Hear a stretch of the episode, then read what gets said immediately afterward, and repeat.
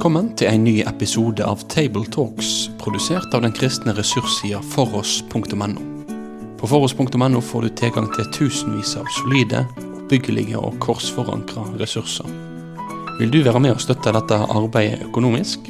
Da kan du gjerne gi de gaver til Foross på VIPS nummer 70979. Vi håper at du setter pris på dagens episode av Tabletalks.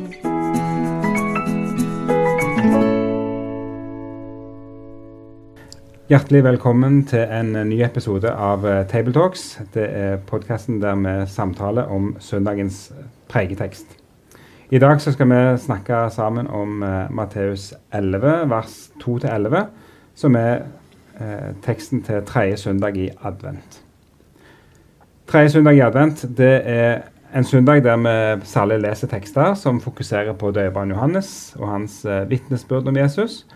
Uh, og det er en viss tradisjon for at vi løfter fram hans vitnesbyrd, selv om i dag skal vi se at det gjerne vel så mye handler om, om uh, Jesu vitnesbyrd på spørsmål fra døperen. Men det er i alle fall et fokus på døperen Johannes. Det at vi har med Johannes og han som forgjengeren, minner oss om at julehøytida og adventstida er mer enn bare liksom selve hendelsen. Det er òg eh, vitnesbyrdet som er knytta til det som skjer. Og Johannes er det første i rekka av veldig mange vitner som peker på Jesus og sier noe om han eh, etter han sto fram. Og vi skal jo få gjøre det samme, men vi skal altså lese sammen eh, teksten fra Matteus 11. Jeg er Knut K. Kirkeholm, og med meg har jeg David Fjelsgaard. Og Sverre Bø. Og så er det David som skal få gleden av å lese teksten fra Matteus 11, vers 2-11. Yes. Mens Johannes satt i fengselet, hørte han om Kristi gjerninger. Derfor sendte han to av disiplene sine. De sa til ham, Er du den som skal komme, eller skal vi vente en annen? Jesus svarte og sa til dem, Gå og fortell Johannes alt dere hører og ser. Blinde ser og lamme går. Spedalske blir renset og døve hører. Døde blir vekket opp, og evangeliet blir forkynt for fattige. Og salig er den som ikke tar anstøt av meg. Da de var gått, begynte Jesus å tale om Johannes til folkeskarene. Hva dro dere ut i ødemarken for å se? Et siv som svaier i vinden? Eller hva dro dere ut for å se? Et menneske kledd i fine klær? Sannelig, de som bærer fine klær, er i kongens hus. Men hva dro dere ut for å se? En profet? Ja, jeg sier dere, og mer enn en profet. For det er ham dette er skrevet om.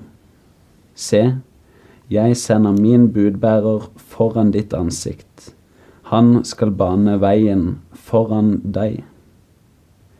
Sannelig sier jeg dere, blant dem som er født av kvinner, er det ikke stått fram noen større enn døperen Johannes. Men den minste i himlenes rike er større enn ham. Yes, så det var teksten. Og vi får jo vite um, i et av de andre evangeliene at Johannes òg sitter nede med Dødehavet i festningen der, antar vi. At det er den Mak Makaros-festningen. Uh, og um, han har jo uh, blitt presentert for oss tidligere, og nå sitter han altså i fengsel. Og noen kapitler senere så skal vi òg lese om hvordan Johannes blir, uh, blir henrettet av Herodes. Mm. Og når han her sitter i fengsel, så er det jo et, sånn et gammelt spørsmål, Sverre, som jeg vil høre dine refleksjoner om. For han har jo diskutert hva er det som gjør at Johannes sender disse disiplene? Er det en anfektelse, eller er det et genialt pedagogisk grep? Ja, det har vært diskutert fra kirkefedrenes tid, og Luther var opptatt av det. De fleste av oss har kanskje umiddelbart en tanke om at han kom i tvil. Og det kan vi ha stor sympati for der han satt i et fengsel etter å ha konfrontert selveste kongen, eller kongesønnen Herodes, med hans urett på familielivets område.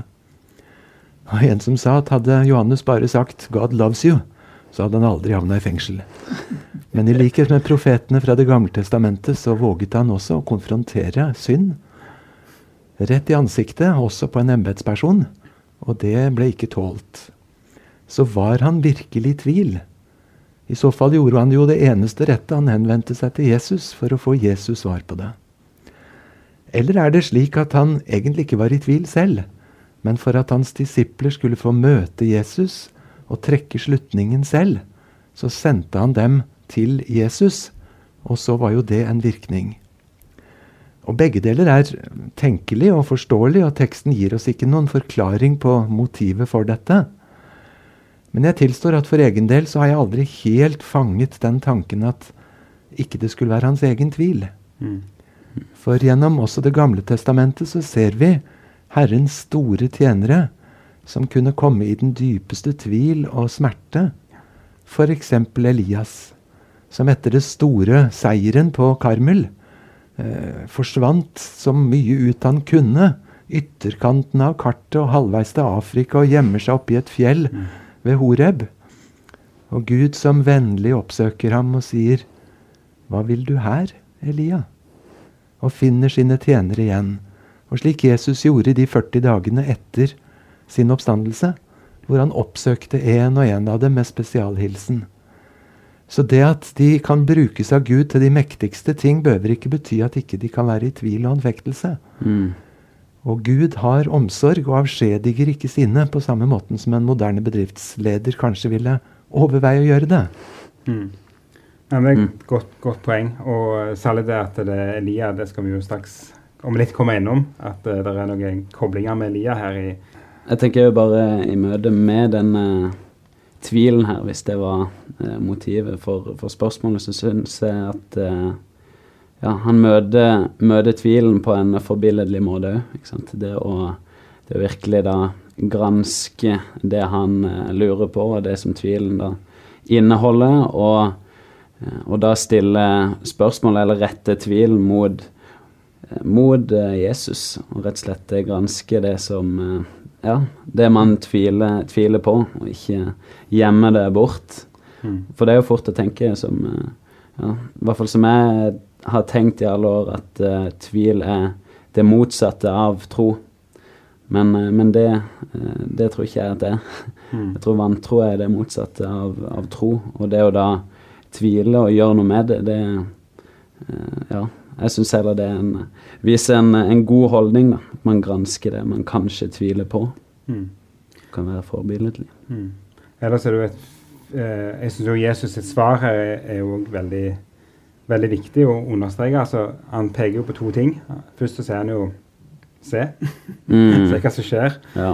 Eh, og så er det jo samtidig det at det han da, han da sier med ord hva som skjer, Mm. så er det jo vanskelig å unngå å høre en 10-15 ekko fra Det gamle testamentet. Mm. Så det er ikke som Jesus eh, i sitt svar både henviser til sanseapparatet til disse disiplene og til Johannes, samtidig som han òg minner de om liksom ja, Dette står jo. Mm. Dette.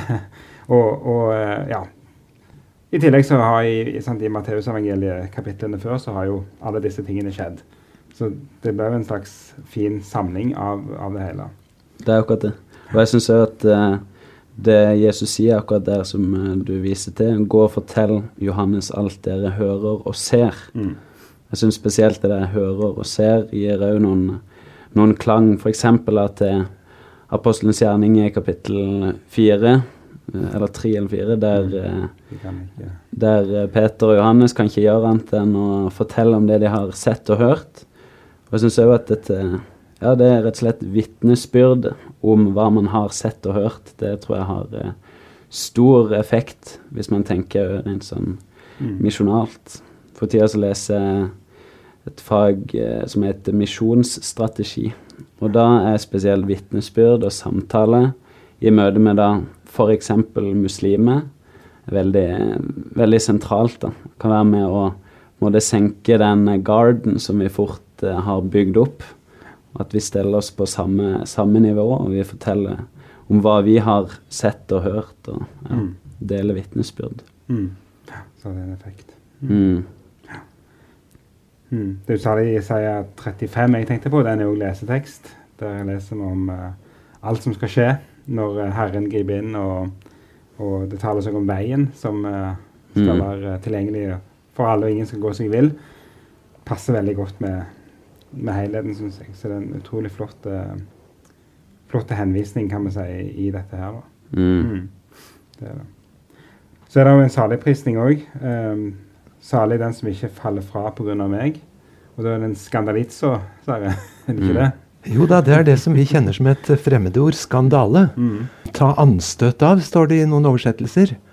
Og akkurat det uttrykket skal vi passe litt godt på, for noen ganger bruker vi 'ta anstøt av' i betydning 'jeg liker ikke'. Mm. Men egentlig betyr det jo rett og slett å snuble slik at du faller, og ikke lenger er på veien. Så når troen tryner, ikke bare som en skrubbsår eller en eh, 'dette stemmer ikke jeg for', men rett og slett at mennesker føres bort ifra troen. Og det er jo det det handler om. I møte med et så sterkt budskap som Jesusbudskapet, så er det ikke annet enn for eller mot alternativene. Mm. Og det stiller på et valg. Mm. Her blir det en saligprisning. Mm. Den som ikke tar anstøt, ikke snubler, ikke avviser. Så er det på grunn av meg. Så det, det, det er liksom uh, hele Alt Jesus er, da, både det han gjør og det han sier, er eh, potensiell kilde til, til anstøt, og at en tar avstand ifra han. Så er det jo sånn at det er altså Johannes som står litt i sentrum her, og vi trenger gjerne å dvele litt ved han òg. Han er jo en uh, usedvanlig viktig skikkelse i, uh, i frelseshistorien, og markerer vel det er vel nok av vitser om uh, predikanter som går seg vill i gamle og nye pakt, og Johannes' sin rolle i dette her og i det hele. Men, men, men Johannes er jo den store personen eh, på grensa mellom det gamle og det nye. Og, og denne teksten er jo med å bygge opp under det. Så er ikke du, Sverre, du nevnte noe vi snakket på forhånd om det her med stor og liten i den gamle og nye pakt. Kan være verdt å merke seg. Ja, for det er jo akkurat det Jesus sier. Blant dem som er født av kvinner, har det ikke stått fram noen større enn døperen Johannes, men den minste i himmelriket er større enn ham. Mm. Jesus står i overgangen mellom gamle og ny pakt. Og indirekte sier han noe om hvor stor den nye pakten er. Hvor overveldende. Mm. Så døperen, som er den største i den gamle, han blir likevel den minste i den nye. Og det å være størst i den gamle pakt, etter å ha lest 1000 sider Mm. om Abraham, Moses, David, profetene, Mm. så sier Jesus at denne Johannes er større enn noen av dem. Og det er noe å ha med seg når vi leser Hebreerne 11, om troens helter som løftes så høyt og fint opp der. Men døperen er større. Og enda han er det, så er han mindre enn den minste i himlenes rike. Så det er en ganske voldsom kontrastering. Mm. Det er det med større, bedre hele tida som, som ligger under i hebreerbrevet. Større, en større frelse, det er bedre løfter, det er en bedre pakt, en større pakt. Mm. Bedre offer, bedre prest. Og her det samme. Mhm. Det gir jo litt av et perspektiv på gamle og ny pakt. Jeg prøver igjen og igjen å tenke på det når vi feirer nattvær. I det øyeblikket Jesus deler den ut, så sier han dette er den nye pakt. Mm. Mm. Nå klipper snoren. Og rundt bordet så sitter disse som akkurat har krangla om hvem som er størst. Mm. Og som av Jesus får høre at de skal sitte på troner og dømme Israels tolv stammer. Og jeg har lengtet så inderlig etter å spise påskemåltidet akkurat med dere. Slik blir den nye pakt til blant syndere, med syndenes forlatelse. Og det plasserer jo døperen i en enormt viktig sånn stafettveksling. Gammel til ny. Mm, godt poeng. Ja, det er det. Og ehm, ja, så, så er det noe med her eh, Hvem er disse her? Altså, du Stikkord identitet, David. Mm. Noen refleksjoner om det? Ja, jeg syns eh, det er spesielt eh, spørsmålet som eh, Johannes kom med i vers 3, og òg spørsmålene som Jesus eh, stiller eh, til folkeskaren der fra vers eh, 7 til, til 9. Syns jeg liksom er en sånn felles eh, nevner for, for disse spørsmålene handler litt om dette med ordet identitet. Hvem er egentlig? Hvem er egentlig Jesus? Hvem er egentlig han som dere gikk ut i ørkenen for å se? Og jeg syns at eh, det spørsmålet der er Eller jeg sjøl jobber som ungdomsarbeider, og jeg møter, møter veldig mye et sånt spørsmål, men da i møte med en sjøl. Hvem er jeg egentlig? Eh, Og så tror jeg at eh, for å gjøre en sånn kort analyse da, av eh, Ikke av samfunnet nødvendigvis, men at det, den store fortellinga som har gitt oss tydelige føringer på hvem, hvem vi er, den blir jo lagt mer og mer eh, bort i dag. Sånn at vi Ja, mange ungdommer kjenner kanskje spesielt på at, at man må finne ut av, av hvem en sjøl er, helt på egen hånd uten at man har en større fortelling og på en måte bygger det på. da. Men så tror jeg at det spørsmålet som spesielt Johannes stiller, er det mest sentrale og viktigste spørsmålet vi kan stille. Til og med viktigere enn hvem jeg er, egentlig.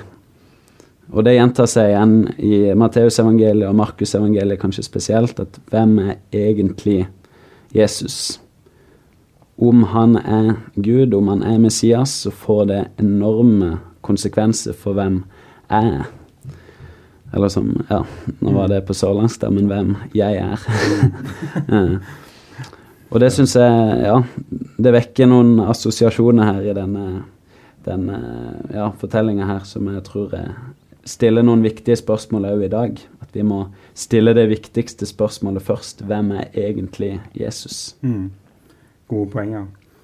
Og så um, tenker vi kan klare oss å dra snora videre derfra og så si at uh, Jesus er jo den som skal komme, og det gjør at Johannes blir forløperen, og så får det konsekvenser for våre liv. Mm. Uh, og så kan vi gå inn liksom, når vi da går inn i teksten igjen, og så ser vi ok, det som Jesus da sier om Johannes uh, Hvem er Johannes for en? og, og, og, hvem er Jesus indirekte gjennom det? For Jesus siterer jo et utrolig eh, Hva skal vi si Et av disse mange bibelversene fra profetene som er oppsiktsvekkende klare når de, mm. når de måtte siteres i kontekst. Altså, jeg sender min budbærer foran deg, han skal rydde veien for deg. Eh, fra Malaki. Og så er det jo i den forbindelse og hos Malaki at det tales om Herrens ankomst til sitt tempel. Eh, og da mm. Det må jo ha vakt en annen reaksjon i folket. Her sier Jesus at Johannes han er den som er budbæreren for Malaki. Og den budbæreren i Malaki han kommer rett fra Herrens ankomst. Hvem er da, Hvem er da Jesus i, mm. i, møte med det? Det er, en ganske, det er egentlig ganske oppsiktsvekkende sitat. Jesus eh, sier mye med det sitatet. Hva du tenker Sverre? Jo visst er det sånn.